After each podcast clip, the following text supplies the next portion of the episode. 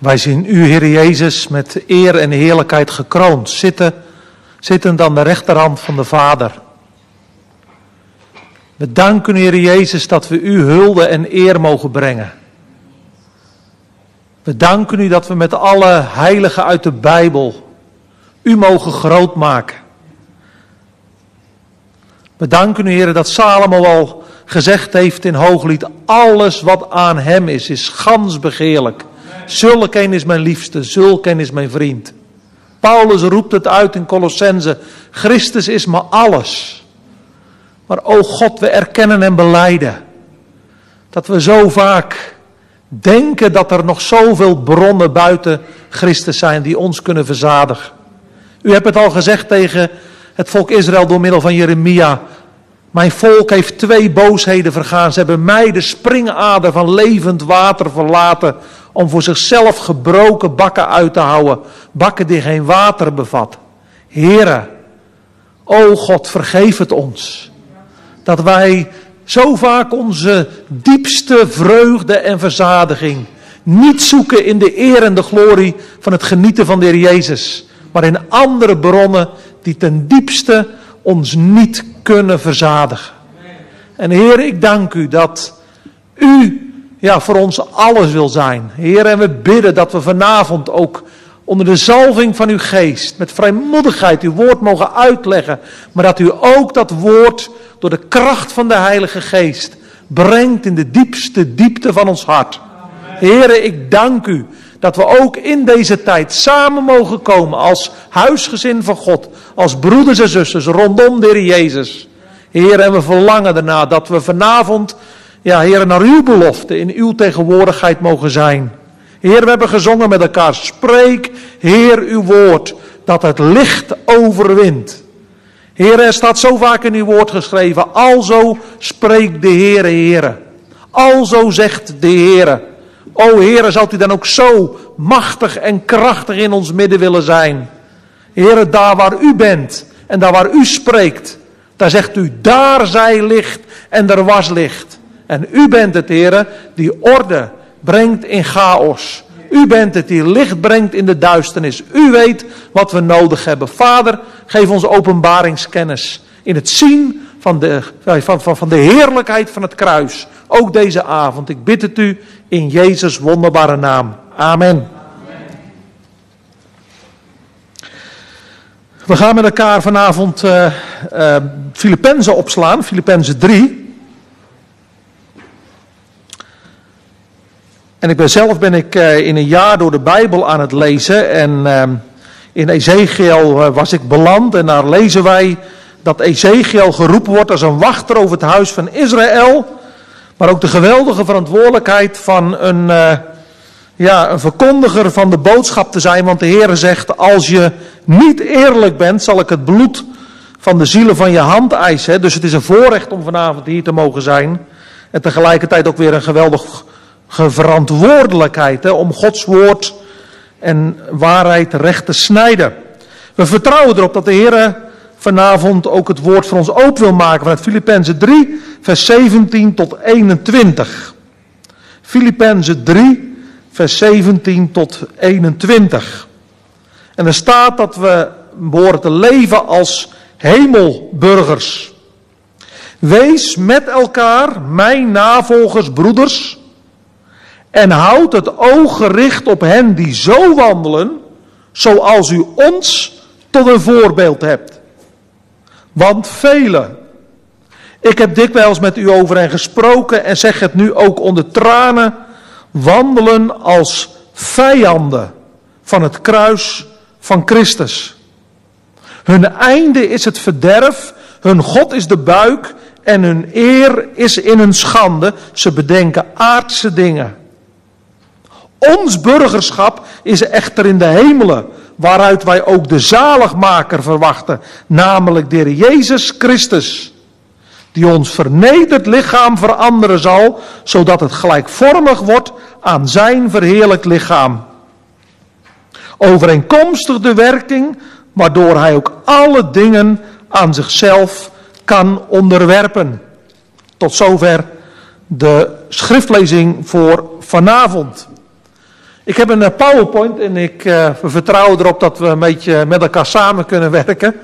Dus uh, het thema voor vanavond is, uh, naar aanleiding van Filippenzen 3, vers 18, waar Paulus zegt: Velen wandelen als vijanden van het kruis van Christus. En het thema is voor vanavond: Ben jij een vriend of een vijand van het kruis van Christus? Er staat niet vanavond of je een vriend of vijand van Christus bent, maar of je een vriend of een vijand van het kruis van Christus bent. En daar gaat het vanavond over. De afgelopen week zijn de verkiezingen in, eh, verkiezingen in Amerika geweest. En ik weet niet of jullie het een beetje gevolgd hebben. Ik heb het een beetje gevolgd. Maar het is onvoorstelbaar hoe twee mannen zo elkaar vijandig gezind kunnen zijn. Het is onvoorstelbaar hoe volgelingen van de Democraten en hoe de Republikeinen recht tegenover elkaar stonden, soms ook letterlijk op straat. En dat je gewoon als het ware de vijandschap bemerkte. Nou, we weten de uitkomst. We weten niet of er wel of niet gefraudeerd is. En er wordt heel veel over gezegd. Maar één ding is wel zeker: de sfeer was enorm grimmig.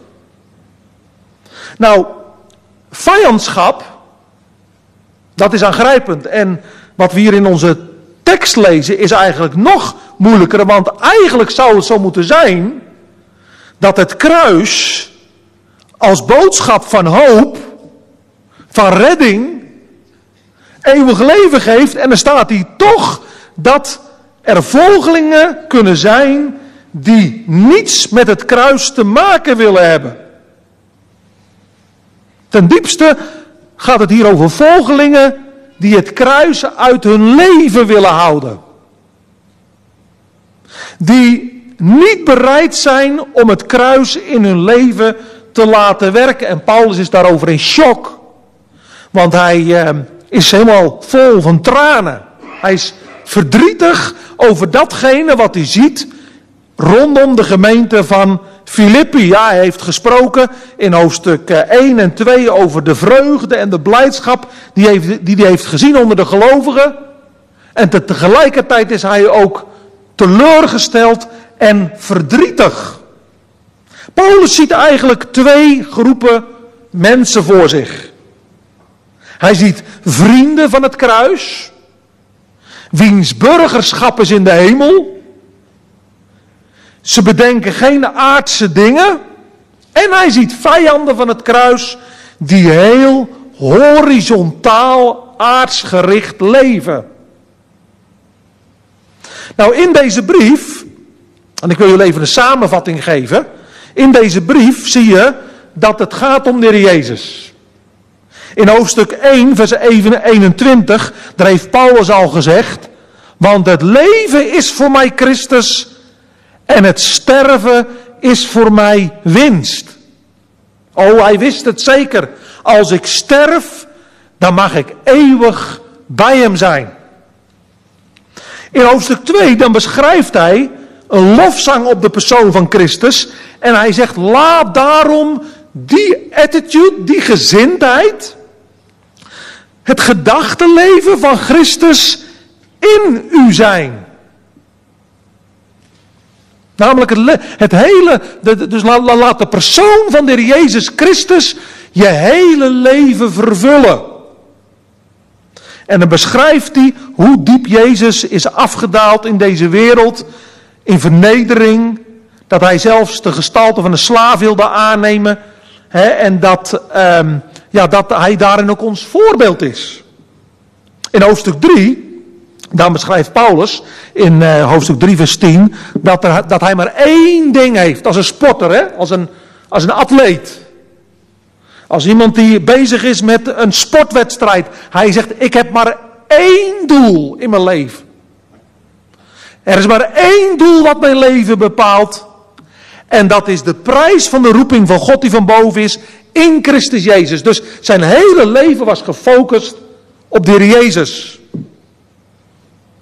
En dan uh, ja, dan zegt hij hè, dat we ook die volmaaktheid moeten najagen. En dan spreekt hij in hoofdstuk 4 over dat Christus onze kracht is. Hè. Alle dingen zijn mij mogelijk door Christus die mij kracht geeft. Mijn God zal u overeenkomstig zijn rijkdom voorzien van alles wat u nodig hebt in heerlijkheid door Christus Jezus. Geweldig. Bij Paulus draait het in zijn leven om de Jezus. Om zijn heerlijkheid. Het kennen van Hem. Nou, dat beschrijft Paulus onder andere ook in hoofdstuk 3, wat voorafgaat in dit gedeelte. Dan beschrijft hij, en ik heb hier volgens mij een keer eerder over gepreekt, hè, maar over hoofdstuk 3, de eerste verse, dat Paulus, ehm, ja, hoe moet ik het zeggen, hij had het best wel goed gemaakt hier op aarde. Hij had een heel keurig leven. Hij was in de juiste familie geboren. Hij leefde keurig als een fariseer. Hij leefde naar wat de wet betreft, hoofdstuk 3 vers 6, onberispelijk. We zouden zeggen, hij kon allerlei medailles krijgen als het gaat over het onderhouden van de Joodse wet. Maar toen werd hij op een dag ja, van zijn paard geworpen, zoals Ronnie Heiboer dat zei. Hè? Van de een op de andere dag verscheen hem hè, een licht. De Jezus openbaarde zichzelf. En toen ineens ging hij alles zien in eeuwigheidsperspectief. En dan zegt hij, alles buiten het kennen van de persoon van Christus is voor mij vuilnis geworden. Wat voor hem winst was, werd verlies. En wat voor hem verlies was, was winst. Ik beschouw alles als vuilnis, als schade vanwege de voortreffelijkheid van de kennis van de Jezus Christus, mijn Heere. Ja, ik beschouw het als vuilnis, opdat ik Christus mag winnen. Daar ging het Paulus om. Is dat ook ons verlangen, broeders en, broeders en zusters? Is dat ook ons verlangen dat we zeggen, ja heren, ik verlang maar één ding en dat is dat ik u dieper en dieper mag leren kennen in uw schoonheid. Opdat we ook op dat niveau mogen komen van hooglied, hè, dat wij eh, ja, die, die, die, die, die intieme liefdesverhouding mogen leren kennen, zoals een bruid en een bruidegom, zodat wij Hem lof mogen zingen en mogen eren en aanbidden. Kijk, en dan gaat Paulus in hoofdstuk 3, vers 17, gaat hij de gemeente opwekken. Hij zegt, wees met elkaar mijn navolgers. Broeders, zusters. Paulus die spreekt nou in een iets kleinere kring dan de gemeente. Hij zegt, wees met elkaar mijn navolgers. In het christendom gaat het om navolging. De navolging van de Jezus. En we hebben het kruis in het vizier. De eeuwige heerlijkheid hebben we in het vizier. En we gaan leren leven in eeuwigheidsperspectief. En dan zegt Paulus er ook bij. Hij zegt, wees met elkaar mijn navolgers. Broeders en zusters, wij zijn geen uh, volgelingen van Jezus in ons uppie. Hier in de gemeente dreigde toch wel de eensgezindheid een beetje op het spel te staan. En daarom zegt hij in hoofdstuk 4 vers 2, ik roep Euodia en ik roep Sintige ertoe op eensgezind te zijn in de Heer. Twee zusters die ook gediend hadden in het evangelie. Die, uh, ja, die dreigden toch wat tegenover elkaar te staan. Hè? Dus Paulus die zegt, ja, we hebben met elkaar één doel. En dat is de Jezus groot maken. En de, de naam van de Jezus doorgeven aan een ander. Nou, als we dat doel met elkaar hebben, dan gaan we ook minder op elkaar letten. En op elkaars verschillen letten. Ik denk als wij um, in elkaar zwakheden gaan zien of tekortkomingen gaan zien, zijn we denk ik veel te veel met elkaar bezig, maar we moeten met Hem bezig zijn. We moeten de Jezus in het oog houden. En als wij op Hem gericht zijn, dan gaan we ook steeds minder karaktergebreken in elkaar zitten, zien. Hè? Dan gaan we steeds minder opmerken in elkaar, want dan weten we, we zijn samen werk in uitvoering en we zijn samen onderweg om meer op hem te lijken en hem uit de hemel te verwachten. Paulus die neemt zichzelf als voorbeeld. Hij zegt hier, uh, Houd het oog gericht op hen die zo wandelen, zoals u ons tot een voorbeeld hebt. Nou, Paulus heeft gezegd in 1 Korinthe 11 vers 1, wees mijn navolgers zoals ik navolger van Christus ben. Dus als Paulus dit zegt, dan zegt hij eigenlijk, je moet mij navolgen voor zoverre ik ook in alles de Jezus navolg. Nou, het is goed om in ons leven voorbeelden te hebben. Nou, twee weken of drie weken geleden, toen hebben wij denk ik allemaal uh, het voorbeeld gezien van onze koning en koningin.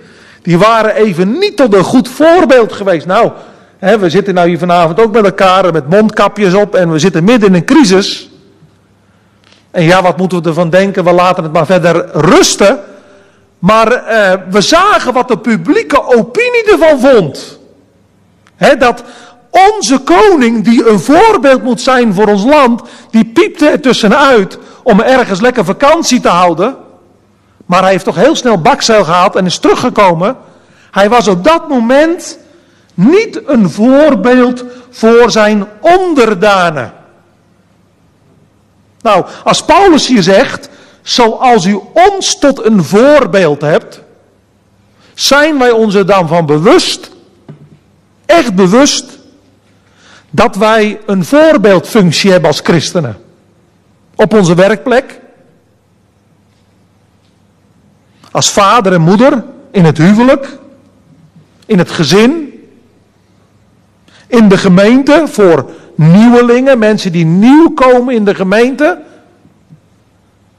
Zoals wij met elkaar op eh, de koning hebben gelet en op de koningin, zo wordt er ook op ons gelet als christenen. Er wordt naar ons gekeken. Hoe we op onze werkplek opereren. En al zouden we als christenen daarin een fout maken, nou dan weet de wereld dat wel aan te wijzen. Paulus zegt, wees mijn navolgers zoals u ons tot een voorbeeld hebt. Nou, waarin was Paulus een voorbeeld? Nou, Paulus die verlangde ernaar, net als de Heer Jezus, nederig te zijn. De minste te zijn. Paulus die zit op dit moment, als hij dit schrijft, in de gevangenis. Moet je eens indenken wat het voor hem betekend heeft. Omwille van uh, het navolgen van de Heer Jezus is hij gevangen genomen. En hij is een voorbeeld voor de gemeente in nederigheid, in zelfverloochening, in heiligheid. In het ja, je leven afleggen ter wille van de anderen, ter wille van de blijde boodschap. Paulus die zegt, volg mij na zoals ik Christus navolg.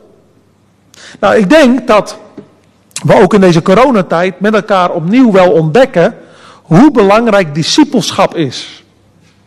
Ik heb door het hele land contact en ik hoor, maak steeds meer voorgangers mee die in kerken veel meer programma gericht waren, liturgisch gericht waren, waarbij ze soms weinig connectie hebben gehad met hun kudde, en ze zijn doodsbang hoe ze straks ook uit de coronacrisis zullen komen. Want ze zijn bang dat velen het wel prima vinden en niet meer naar de kerk terugkomen. Dus ik denk dat als Paulus je zegt het gaat om navolging. Het gaat om discipelschap. Een voorbeeld zijn voor elkaar. Identificatiefiguren zijn voor elkaar. Dan denk ik hè, dat, dat, dat het ook voor ons ontzettend belangrijk is om te beseffen. Dat we met elkaar kunnen groeien in discipelschap. Dat we met elkaar kunnen groeien in praktisch discipelschap.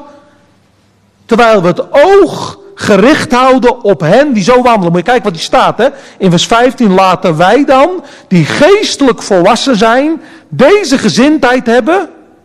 En als u iets anders gezind bent, ook dat zal God u openbaren. Maar tot zover wij gekomen zijn, laten wij naar dezelfde regel wandelen. Laten we eens Laten we eens gezind zijn. De gemeente had één focus. En dat was, we verlangen erna om geestelijk volwassen te worden. En geestelijk volwassen te zijn. We verlangen erna die ene prijs. Het kennen van de Jezus Christus. Dat was de focus van de gemeente. Maar nou waarschuwt Paulus in vers 18. Hij zegt, want velen, ik heb dikwijls met u over hen gesproken en zeg het hen nu ook onder tranen, wandelen als vijanden van het kruis van Christus. Dikwijls. Dikwijls. Paulus heeft regelmatig met de gelovigen gesproken over wat er gaande is in de gemeente, wat er rondom de gemeente gaande was, ook over dwaalleer, over toevoegingen aan het evangelie. Kijk maar wat hij zegt in hoofdstuk 3 vers 1. Hè. Hij zegt, uh, dezelfde dingen aan u te schrijven zijn mij niet onaangenaam. Het geeft u zekerheid. En nou zegt hij heel frontaal, let op de honden, let op de slechte arbeiders, let op de versnijdenis. Hij wijst hier op, nou ja, dwaalleraren die er ook toen waren, die zeiden ja, het is Christus plus de besnijdenis. En Paulus zegt, ik heb dikwijls met jullie daarover gesproken hoe gevaarlijk het is om iets toe te voegen aan het evangelie. De grote vraag is natuurlijk wel hè, of wij helder hebben dat het voor Paulus onbestaanbaar is dat er iets aan het evangelie wordt toegevoegd. Hij zegt in Galaten 1, zegt hij, als jullie een ander evangelie gaan leren dat ik geleerd heb, die zij vervloekt. Nou, dat zijn behoorlijk stevige woorden. Paulus die was er niet op uit om de lieve vrede te bewaren en om zoveel mogelijk mensen bij de gemeente te krijgen. Nee, Paulus was ervoor om het woord recht te snijden. Nou, ik zie nou vandaag de dag ook hè, in, in heel veel gemeentes zijn we met het woord aan het marchanderen. Hè? En, en dan krijg je uitdrukkingen als wij zijn voor een open armen theologie. Nou, ik denk dat de, de ACR is ook wel voor een open armen theologie, want ik weet dat iedereen hier welkom is. Maar als, de maar als de mensen zijn die de Jezus aannemen, ja, dan gaat het ook over wat zijn nou ook de implicaties van het kruis in jouw leven. Dus bij geloof hoort ook gehoorzaamheid. Dus iedereen is welkom in de gemeente van de Heer Jezus, maar als we Hem aanvaarden als zaligmaker, als Heer, dan wordt Hij ook, als we Hem aanvaarden als zaligmaker, dan wordt Hij ook Heer van ons leven. En nou zegt Paulus hier, dat hij in tranen is. Ik heb dikwijls met hen over u gesproken en zeg het ook nu onder tranen. Wanneer hebben wij voor het laatst gehuild? Over mensen die afhaken, die afvallen van het geloof? Hoe is het met onze bewogenheid? Hoe is het met mijn bewogenheid? over mensen die vastzitten in dwaalleer, die geen helder zicht hebben op het evangelie, die het kruis ten diepste niet verstaan. Moet het misschien niet ook ons gebed zijn, heren, vul ons met bewogenheid, geef ons de bewogenheid van een Jeremia, van de profeten uit het Oude Testament. Jeremia die zegt, och, dat mijn ogen, mijn hoofd tranen waren om te bewenen. Hè, dus, dus, dus die worstelde daar ook mee. Paulus is bewogen tot tranen toe met zielen. En nou zegt hij in onze tekst dat het er velen zijn. Niet een paar, niet een engeling, enkeling, maar hij ziet velen het verkeerde spoor opgaan. Dus ook in die tijd al werd het evangelie misverstaan. In de Nieuwtestamentische vroege kerk werd het evangelie al niet begrepen. In die zin leven we niet in andere tijden.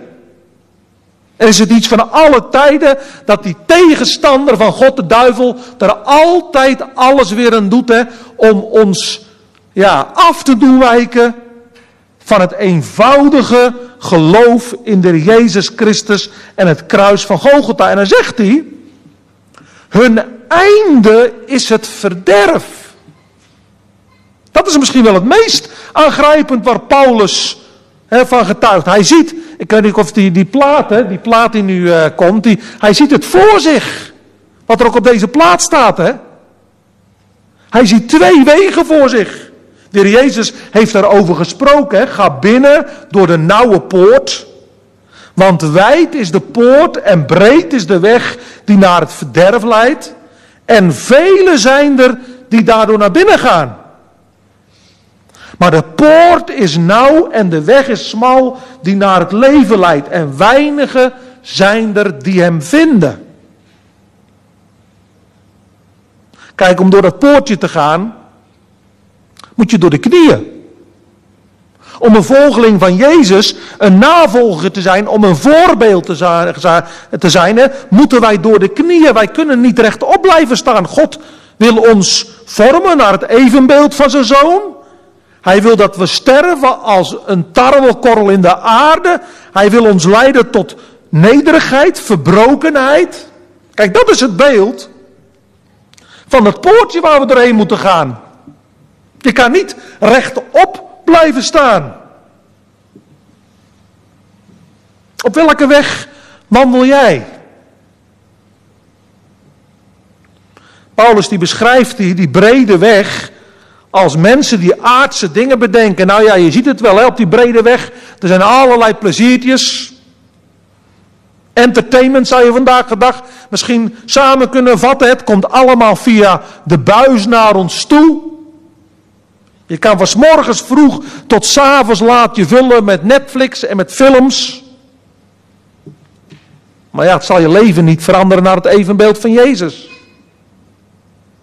Je zal er niet meer door op Jezus gaan lijken. Paulus zegt hier, velen zijn er die die weg gaan. Moeten we daar niet misschien ook toch vanavond eens uitroepen hè, met met Petrus, ben ik het heren? Wie is het heren? Gaat het over mij? Of gaat het inderdaad over die anderen buiten de gemeente? Wat zegt Paulus over die mensen die vijanden zijn? Niet van Christus, maar van het kruis van Christus.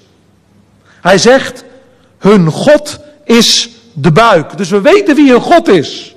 We weten waarvoor ze leven.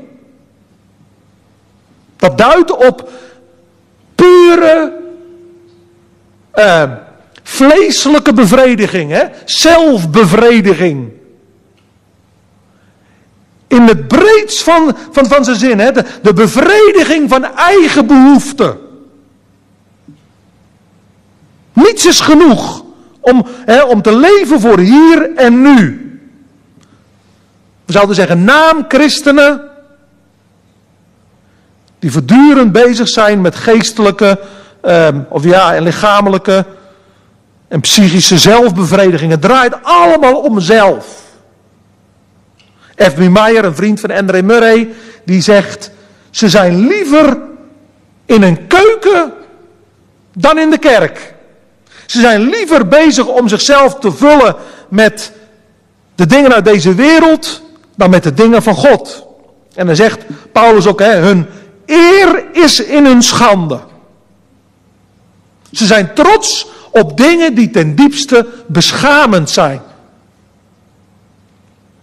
Trots op wat ze allemaal durven. En hier duidt dat zeer waarschijnlijk toch op allerlei seksuele vormen van onreinheid waar ze de minste moeite mee hebben. Nou zien we dat niet vandaag de dag, hoe de kerken daardoor overweldigd worden. We hebben dat gezien en nogmaals, we kunnen discussiëren over de manier waarop de Nashville-verklaring ook uh, is gepubliceerd. Maar we hebben wel gezien hoeveel kerken om zijn gegaan.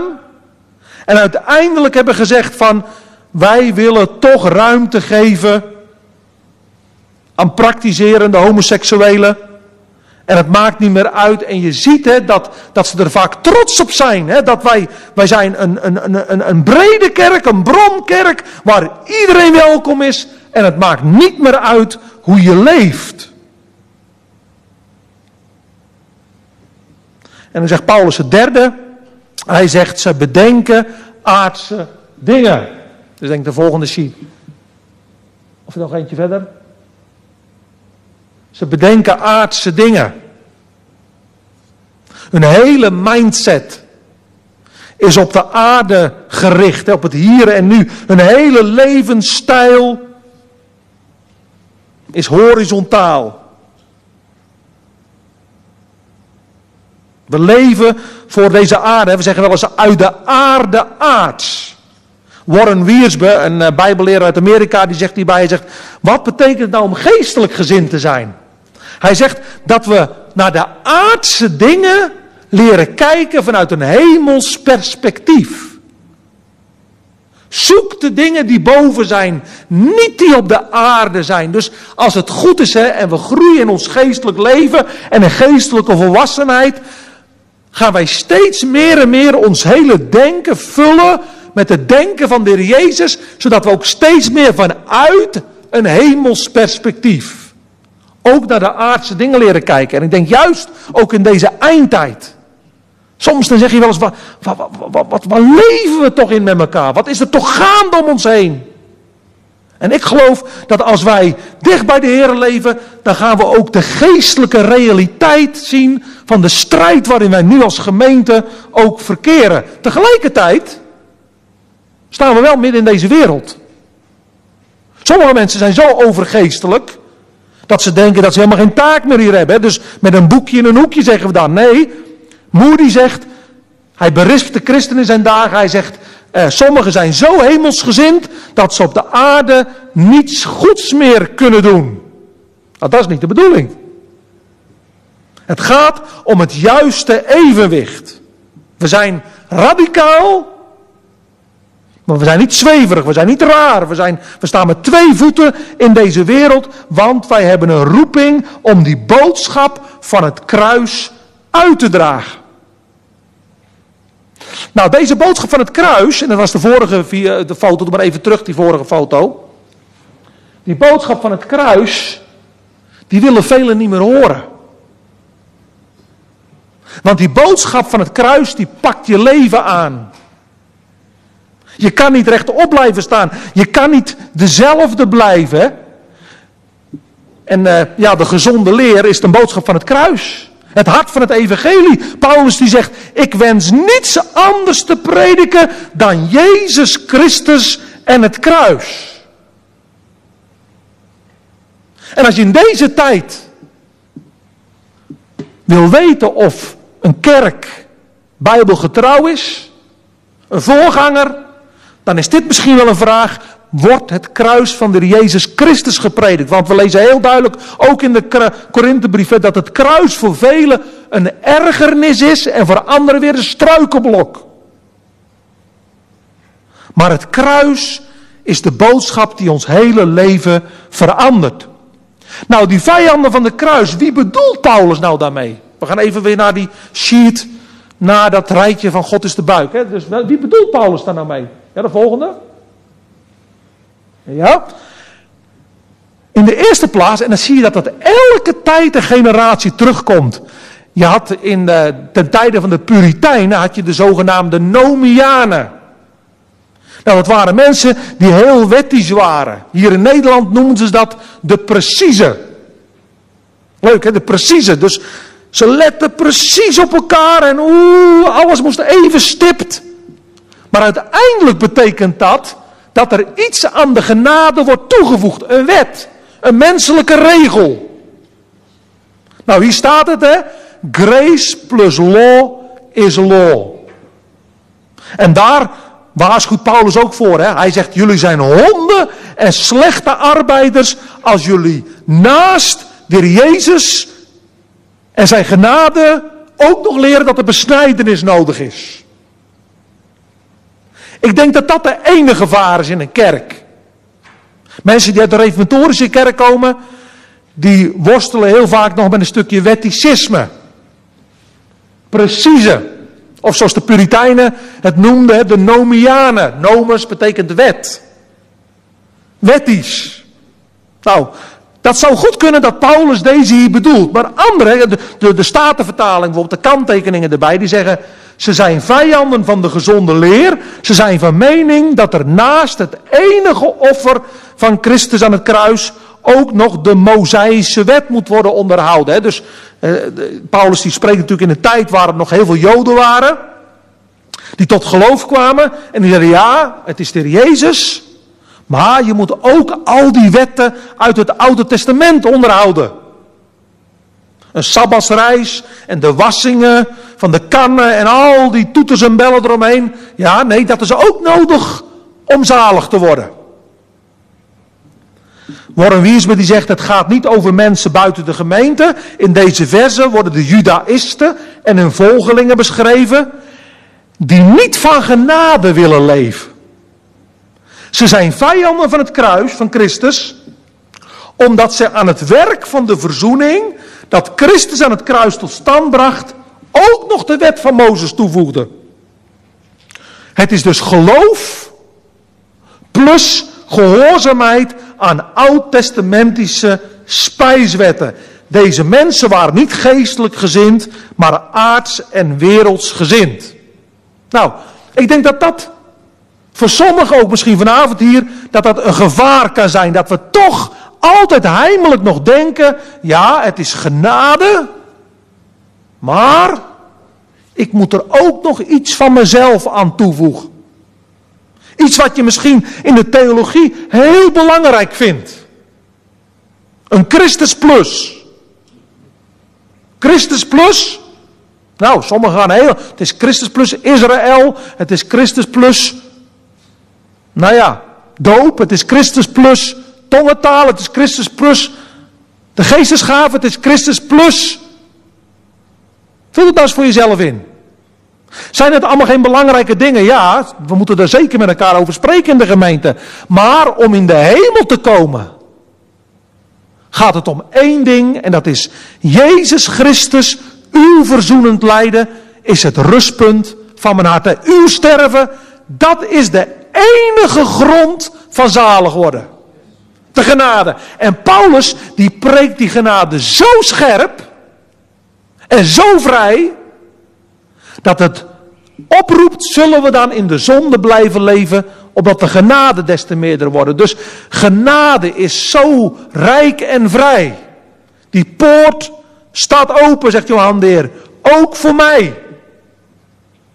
Wat je ook gedaan hebt, hoe groot onze zonden zijn ook geweest, zijn geweest, er is genade overvloeiende voor de grootste de zondaar. Nou, dat was een groot wonder voor John Bunyan die een heel zondig leven achter de rug had, totdat hij ineens twee vrouwen hoorde praten over hoe heerlijk het zou zijn in de hemel als ze zouden sterven. En door dat getuigenis werd hij geraakt en werd zijn hele leven veranderd. Hè? En toen heeft hij dat boek geschreven, Genade overvloeiende voor de grootste der zondaren. Dus dat is de ene gevaar. Maar nou is er nog een andere gevaar. En dat noem je dus de antinomianen de rekkelijken of het libertinisme. En vandaag de dag ook soms wel bekend van de hypergrace leer, de hypergrace. Dat wil zeggen, ja weet je, het is genade, genade alleen. En we kunnen leven zoals we zelf willen. Nou, daarom het woordje rekkelijken. Hè. Ze zijn heel rekkelijk, ze zijn heel breed, er kan heel veel. En dat waren de zogenaamde antinomianen. Bij de Puritijnen, daar waren ze constant mee in de clinch. En Calvijn en anderen, die noemden dat, dat hun gevecht met de libertijnen, de vrije geestesdenkers.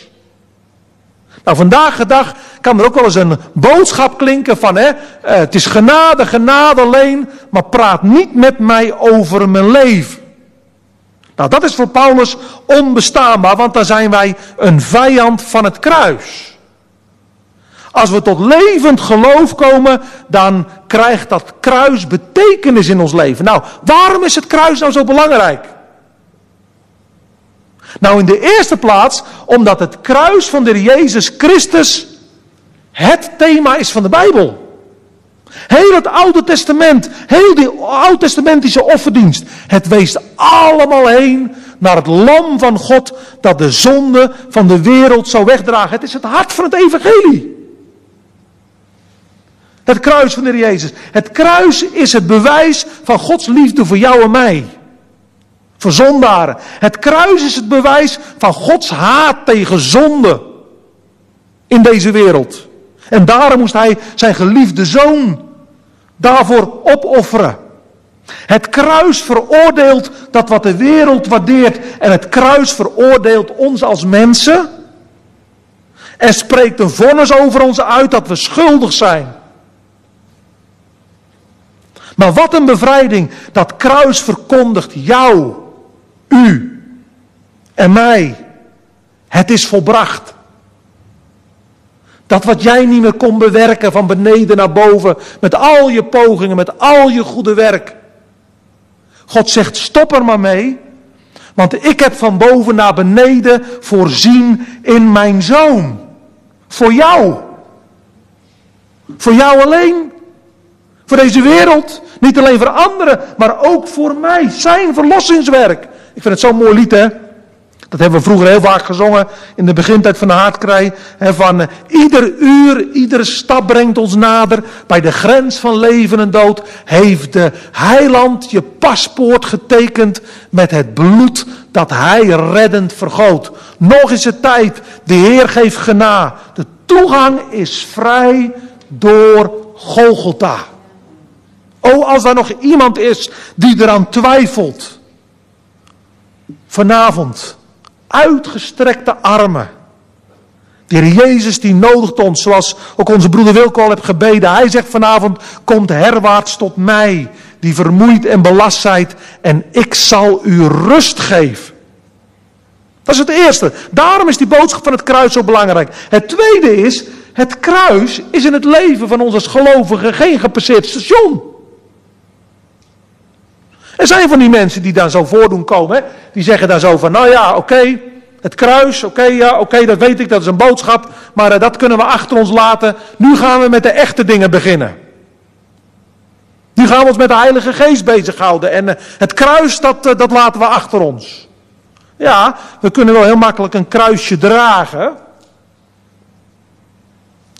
Maar het kruis, dat is, dat is ook onderdeel van ons geestelijke leven. De heer Jezus zegt, als je niet bereid bent om je kruis op te nemen, kan je helemaal mijn discipel niet zijn. Het gaat dus om de welwillendheid om je kruis te laten werken in je leven tot karaktervorming om op meer op Jezus te gaan. Kijk, en vandaag de dag is dat een boodschap die we niet willen horen, want die boodschap eh, die, die raakt je diepste diepte van je hart. Dat, die boodschap van het kruis, dat praat niet met mij over mijn uiterlijke leven in de eerste plaats, maar het spreekt over mijn innerlijke leven, in hoeverre ik nog wil leven voor mezelf of voor Hem die voor mij stieren van het kruis. En die boodschap is zo noodzakelijk, ook in onze tijd. Toen ik tot geloof kwam, toen uh, keek ik in de boekenkast van mijn ouders.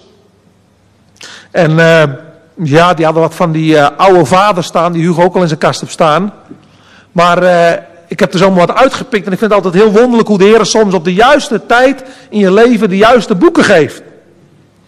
En het eerste boekje wat ik las, dat was van Spurgeon rondom de enge poort. Een heel mooi boekje. Over hoe je tot geloofzekerheid kan komen. Maar een ander boekje, dat was een heel oud groen boekje.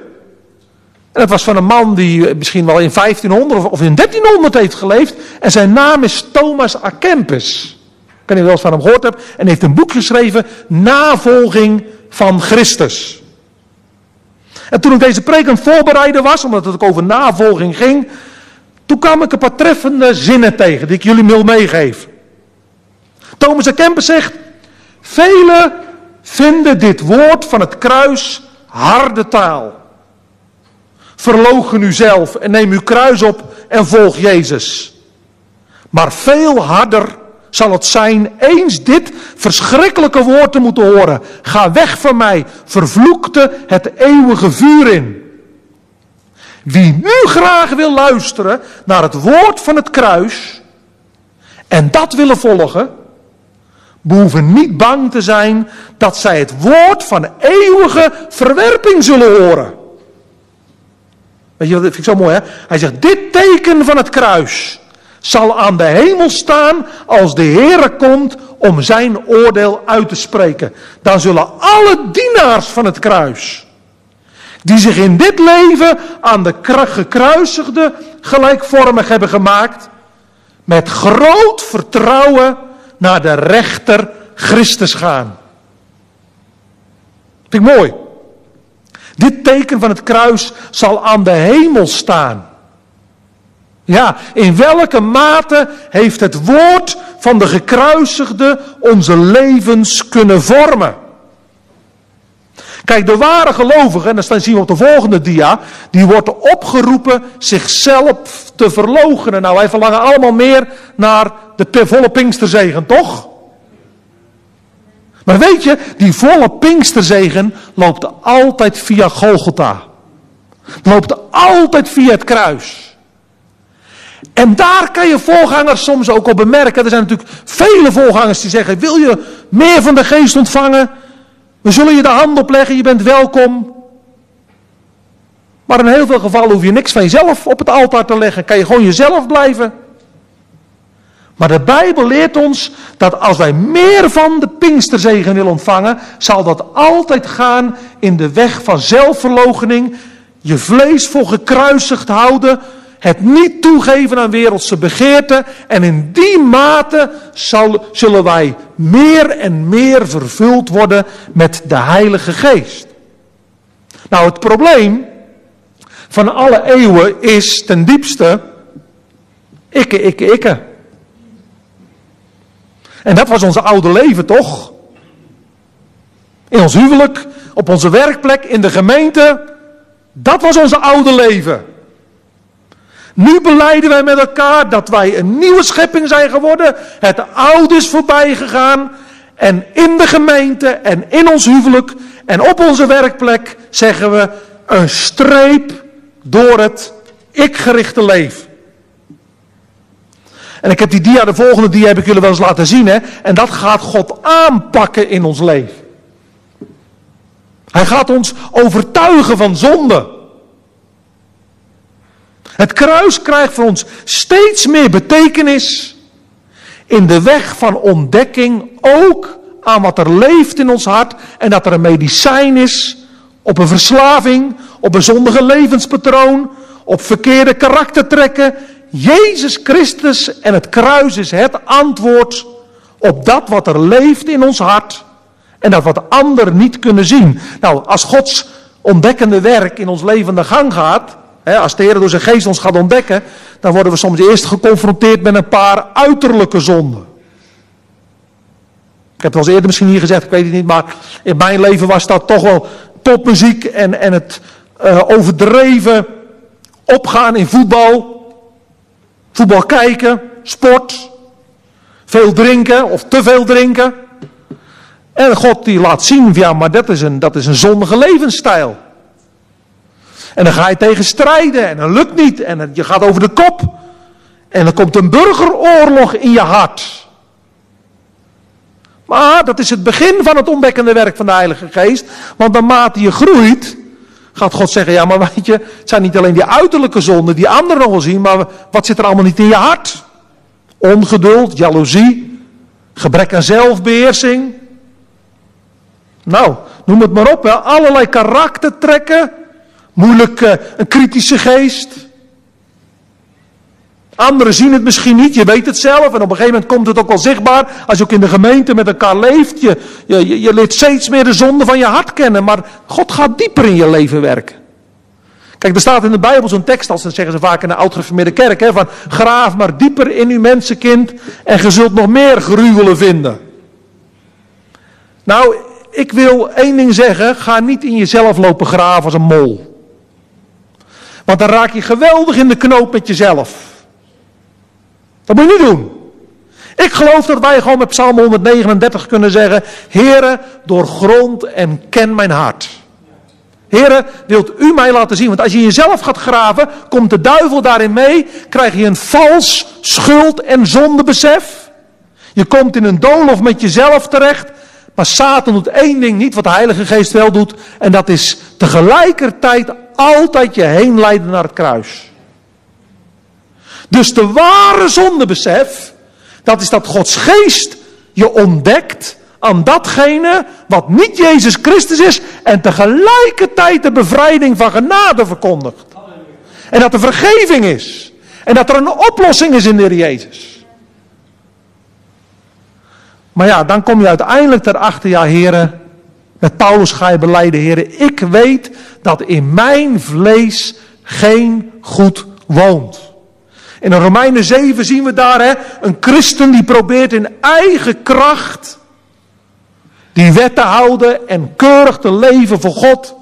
En wat, lukt het of niet? Lukt niet. Lukt niet. Ik ellendig mens. Die burgeroorlog die er soms kan zijn in je hart. En misschien heb je op dit moment zo'n burgeroorlog. Als ik het goede wil doen, ligt het kwade me bij. En je probeert maar. Dat woordje proberen, hè? dat is het probleem eigenlijk. Hè? Je moet stoppen met proberen. Laat los. Laat God. Zeiden de Keswick voorgangers. Hè? Laat los. Laat God. Dat proberen is altijd iets van die oude mens. Die weer in eigen kracht toch probeert wat aan die genade toe te voegen. God een handje te helpen. En dank God dat je weer vastloopt. En dat je de bevrijding mag zien van de volgende dia. Dit is het evangelie. Jij bent ook met de Jezus gestorven 2000 jaar geleden. En als je gedood bent in water, ben je in het watergraf ondergegaan en daar heb jij beleden, ik leef niet meer. Ik heb mijn oude leven achtergelaten in het watergraf. En hier hangt niet de Jezus in het kruis, maar hier hang jij. En daarom zegt Paulus in Romeinen 6, hè, dit wetend dat onze oude mens met Christus gekruisigd is, zo dient u ook uzelf te rekenen als dood voor de zonde. En stel uw leden niet meer ter beschikking aan de zonde als wapens van ongerechtigheid. De zonde zal niet over u heersen. U bent niet meer onder de wet, maar onder de genade. Nou gaat het maar vanavond weer eens opnieuw bestuderen. De bevrijding te midden van jouw burgeroorlog in jouw hart. De bevrijding ligt niet in het proberen en het in eigen kracht maar weer op te werken naar God. Maar de bevrijding is om vanavond te erkennen en beleiden, Heer, ik kan het niet.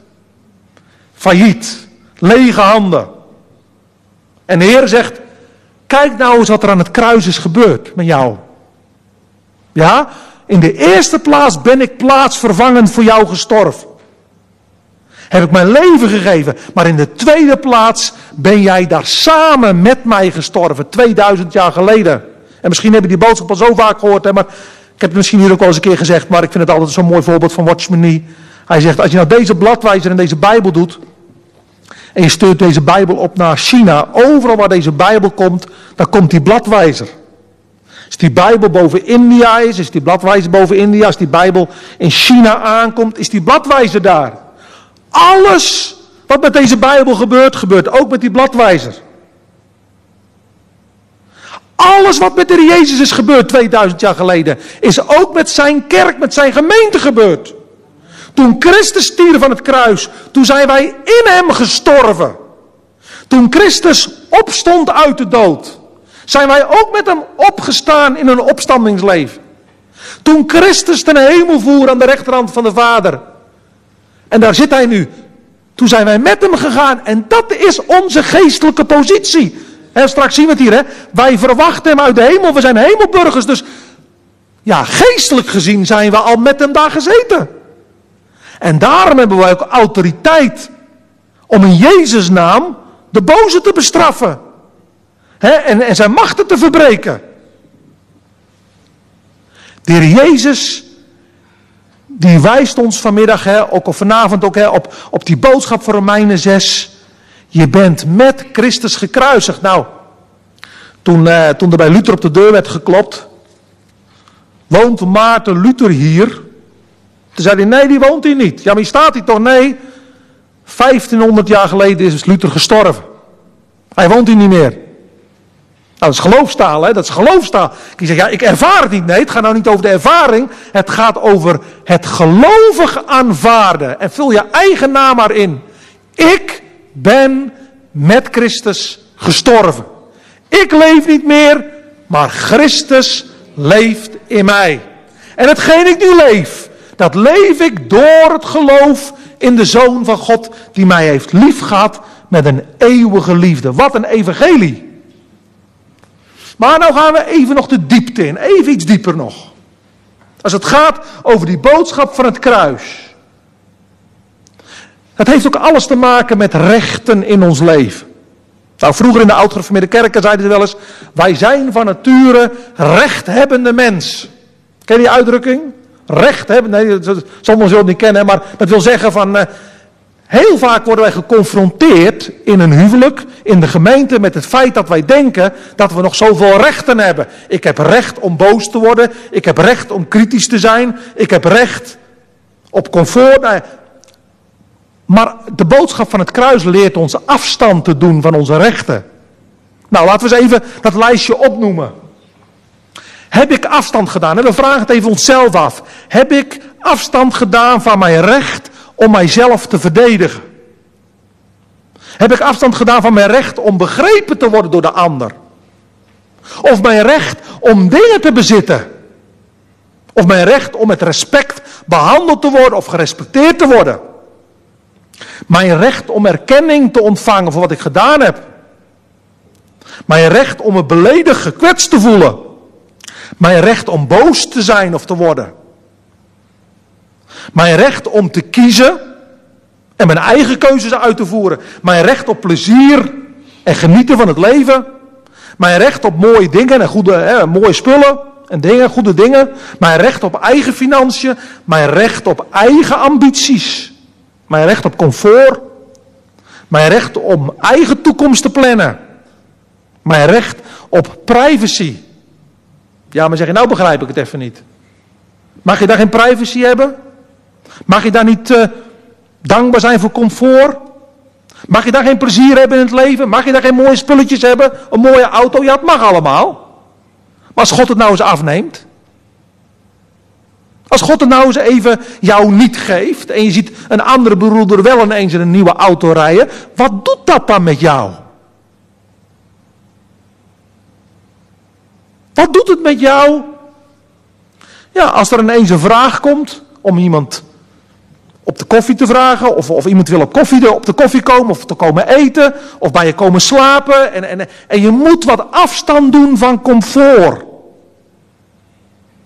Of er komt een roep om ook iets financieel te ondersteunen en het zou mij wat minder luxe geven. Wat doet het met ons als het uitblijft? Natuurlijk mag je jouw visie op de zaak geven. Maar als die gelegenheid er, niet, gelegenheid er nou niet is, wat doet het met ons hart? Worden we dan opstandig en rebels? Ten opzichte van collega's? familieleden in onze omgeving. Wat doet het met ons? Wij moeten, nou niet moeten, wij mogen weten dat we als christenen, als een nieuwe schepping, we zijn met Christus gekruisigd en de Heer wil dat we ons dood houden voor de zonde. En van daaruit leven. Nou, waarom zijn we dan vrienden van het kruis? Nou, ik heb het al gezegd, we zijn een nieuwe schepping geworden.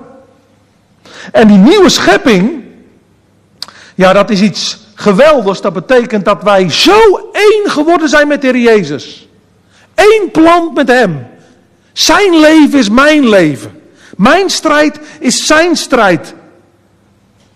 Zijn zit aan de rechterhand van de Vader is mijn zit aan de rechterhand van de Vader. En dat geeft ons zo'n geweldig perspectief. Want wij willen als gelovigen daar zijn waar Christus is.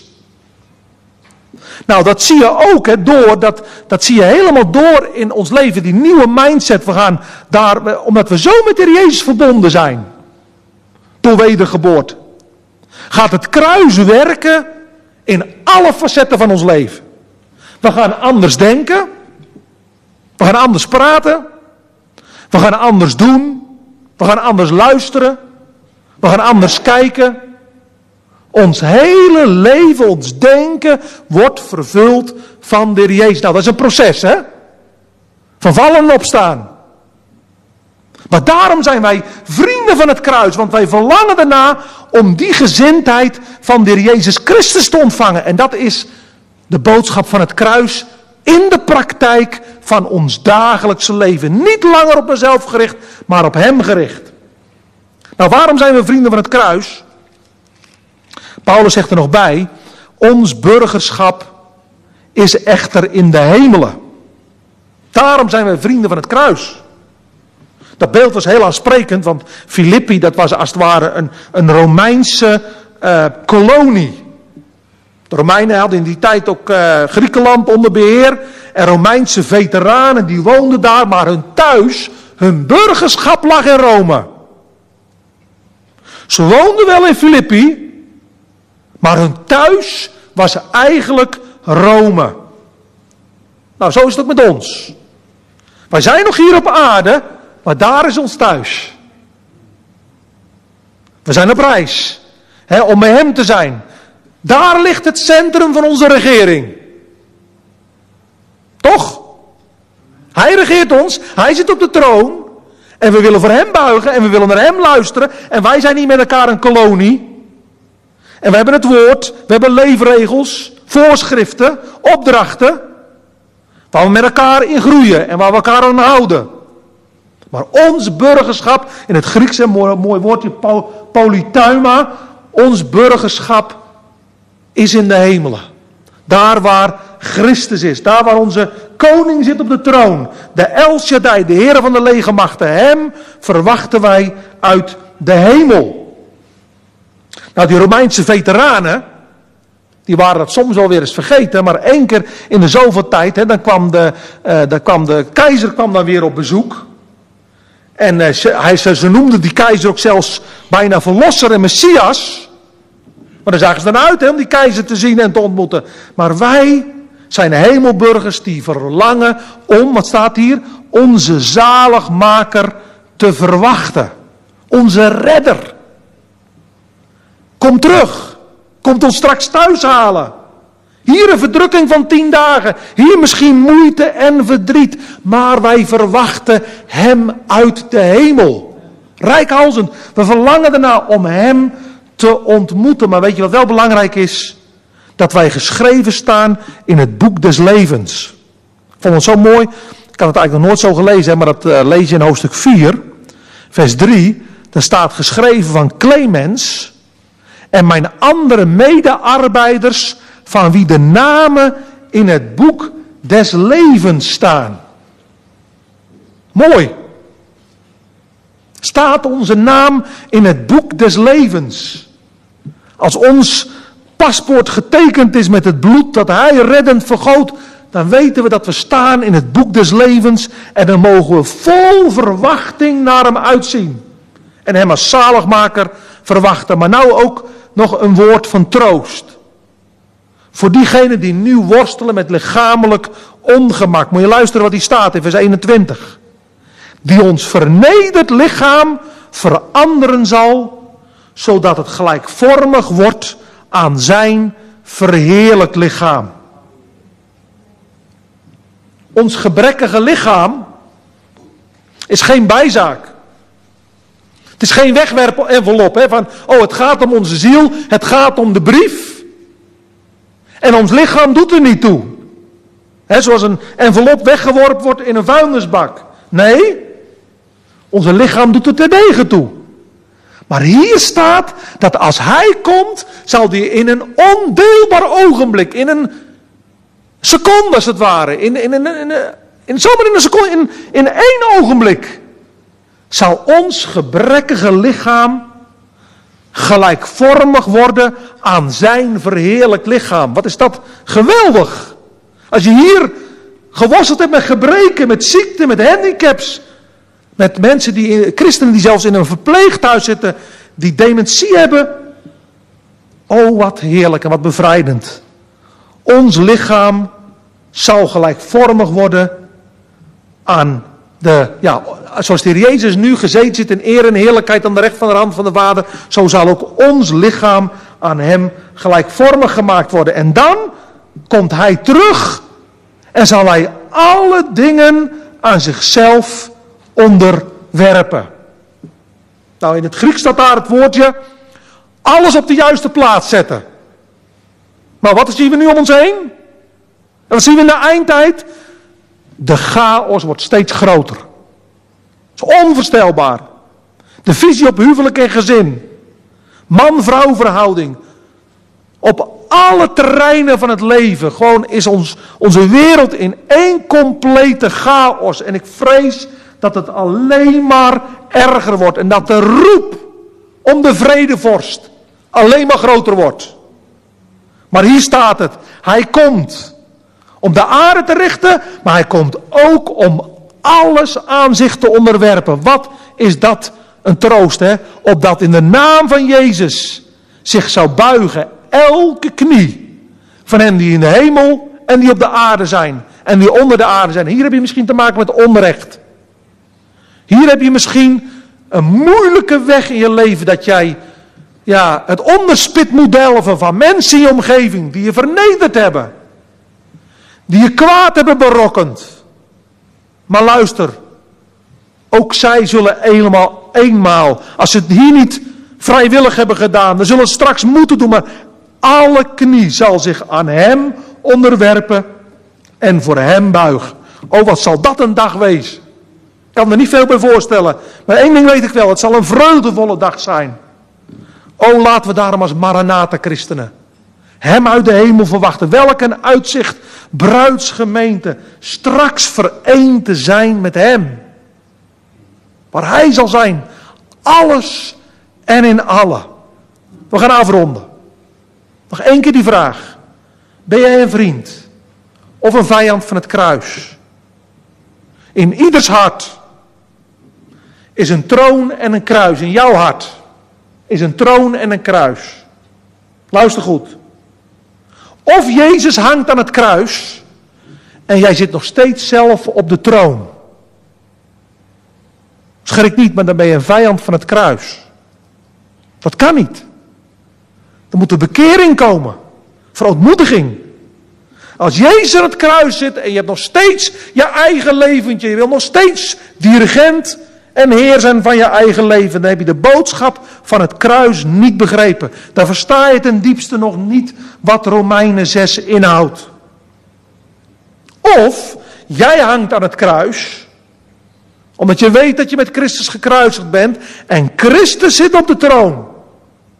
Ja, dan is hij, of dan ben jij een vriend van het kruis. Dan verwacht je hem uit de hemel. Verlang je hier al hem gelijkvormig te worden. Maar weet je dat het straks volmaakt zal zijn? Wie zit er op de troon? Van jouw hart. Oh ja, het is waar. Soms dan kan het weer ineens terugkomen. Die burgeroorlog.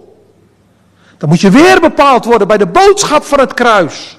Elke keer weer mogen we dan horen wat het betekent om met Christus gekruisigd te zijn. Vanavond nodigt de Jezus ons uit. Wil je een hemelburger zijn?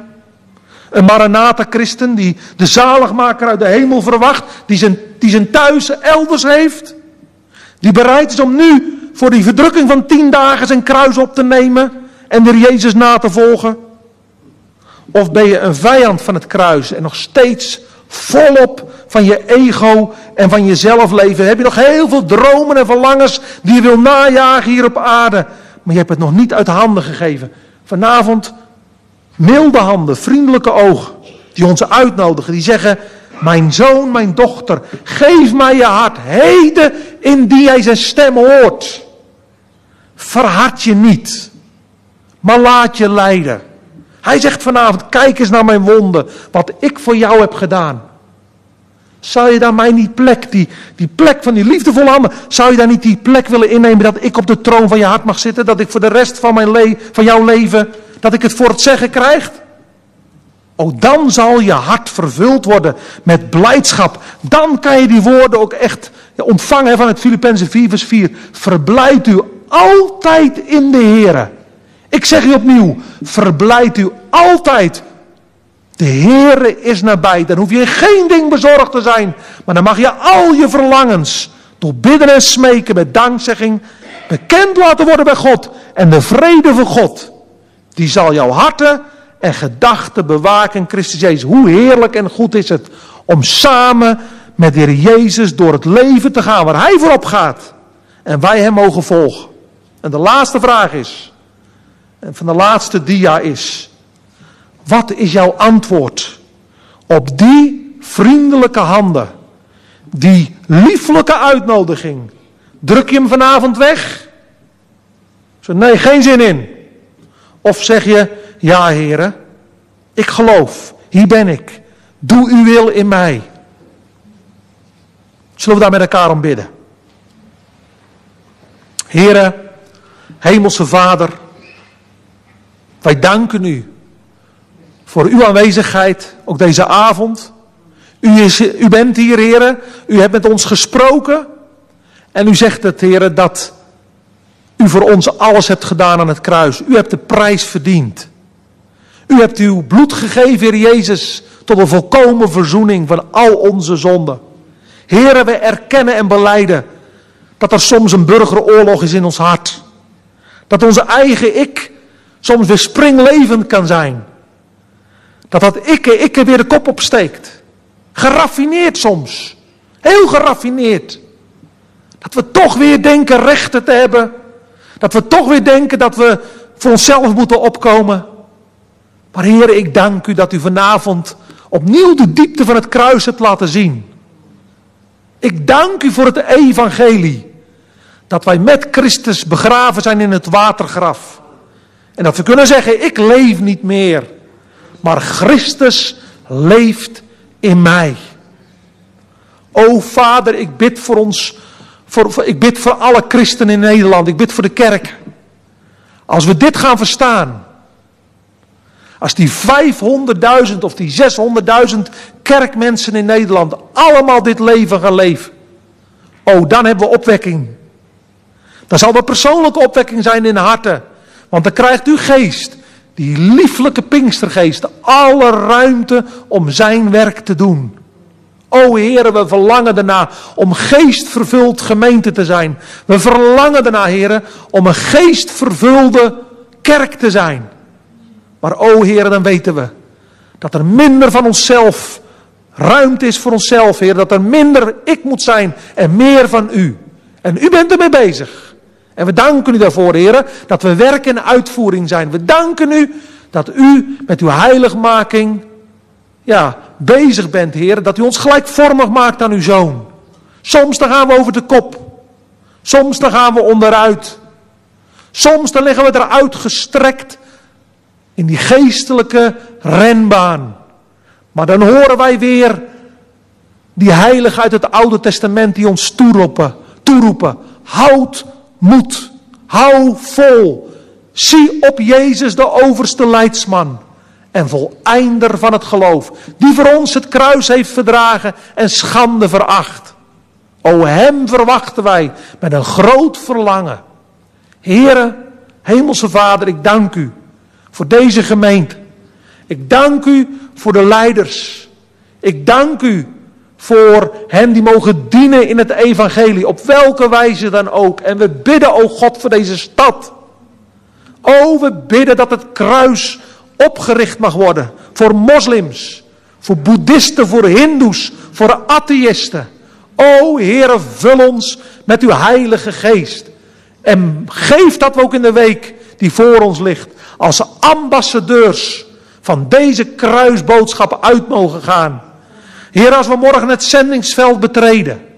Heer, geef dan dat we op het zendingsveld goed van u mogen spreken. Maar dat wij ook identificatiefiguren, voorbeelden mogen zijn voor mensen die nog nooit van Jezus hebben gehoord. O Heer, bewaar ons ervoor dat we mooi praten, maar het niet leven in de praktijk van het leven. Heren, we willen opnieuw tegen u zeggen, wij willen ons leven afleggen, net zoals u dat gedaan hebt. Heren, we weten niet ten volle wat we beleiden en zeggen. En toch zeggen we, heren, doe uw wil in ons. Heren, werk het uit in ons leven. En geef dat koning Jezus voortdurend, heren, op ons netvlies zal staan. Dat we u, Heer Jezus, als Maranatha Christen uit de hemel mogen verwachten. Heren, ik dank u voor een ieder die hier vanavond was en is, heren. U weet wat we nodig hebben. Heren, ga met ons mee. Raak ons aan. En geef, heren, dat we in ontspanning en verwondering mogen genieten van uw amazing grace. Amen.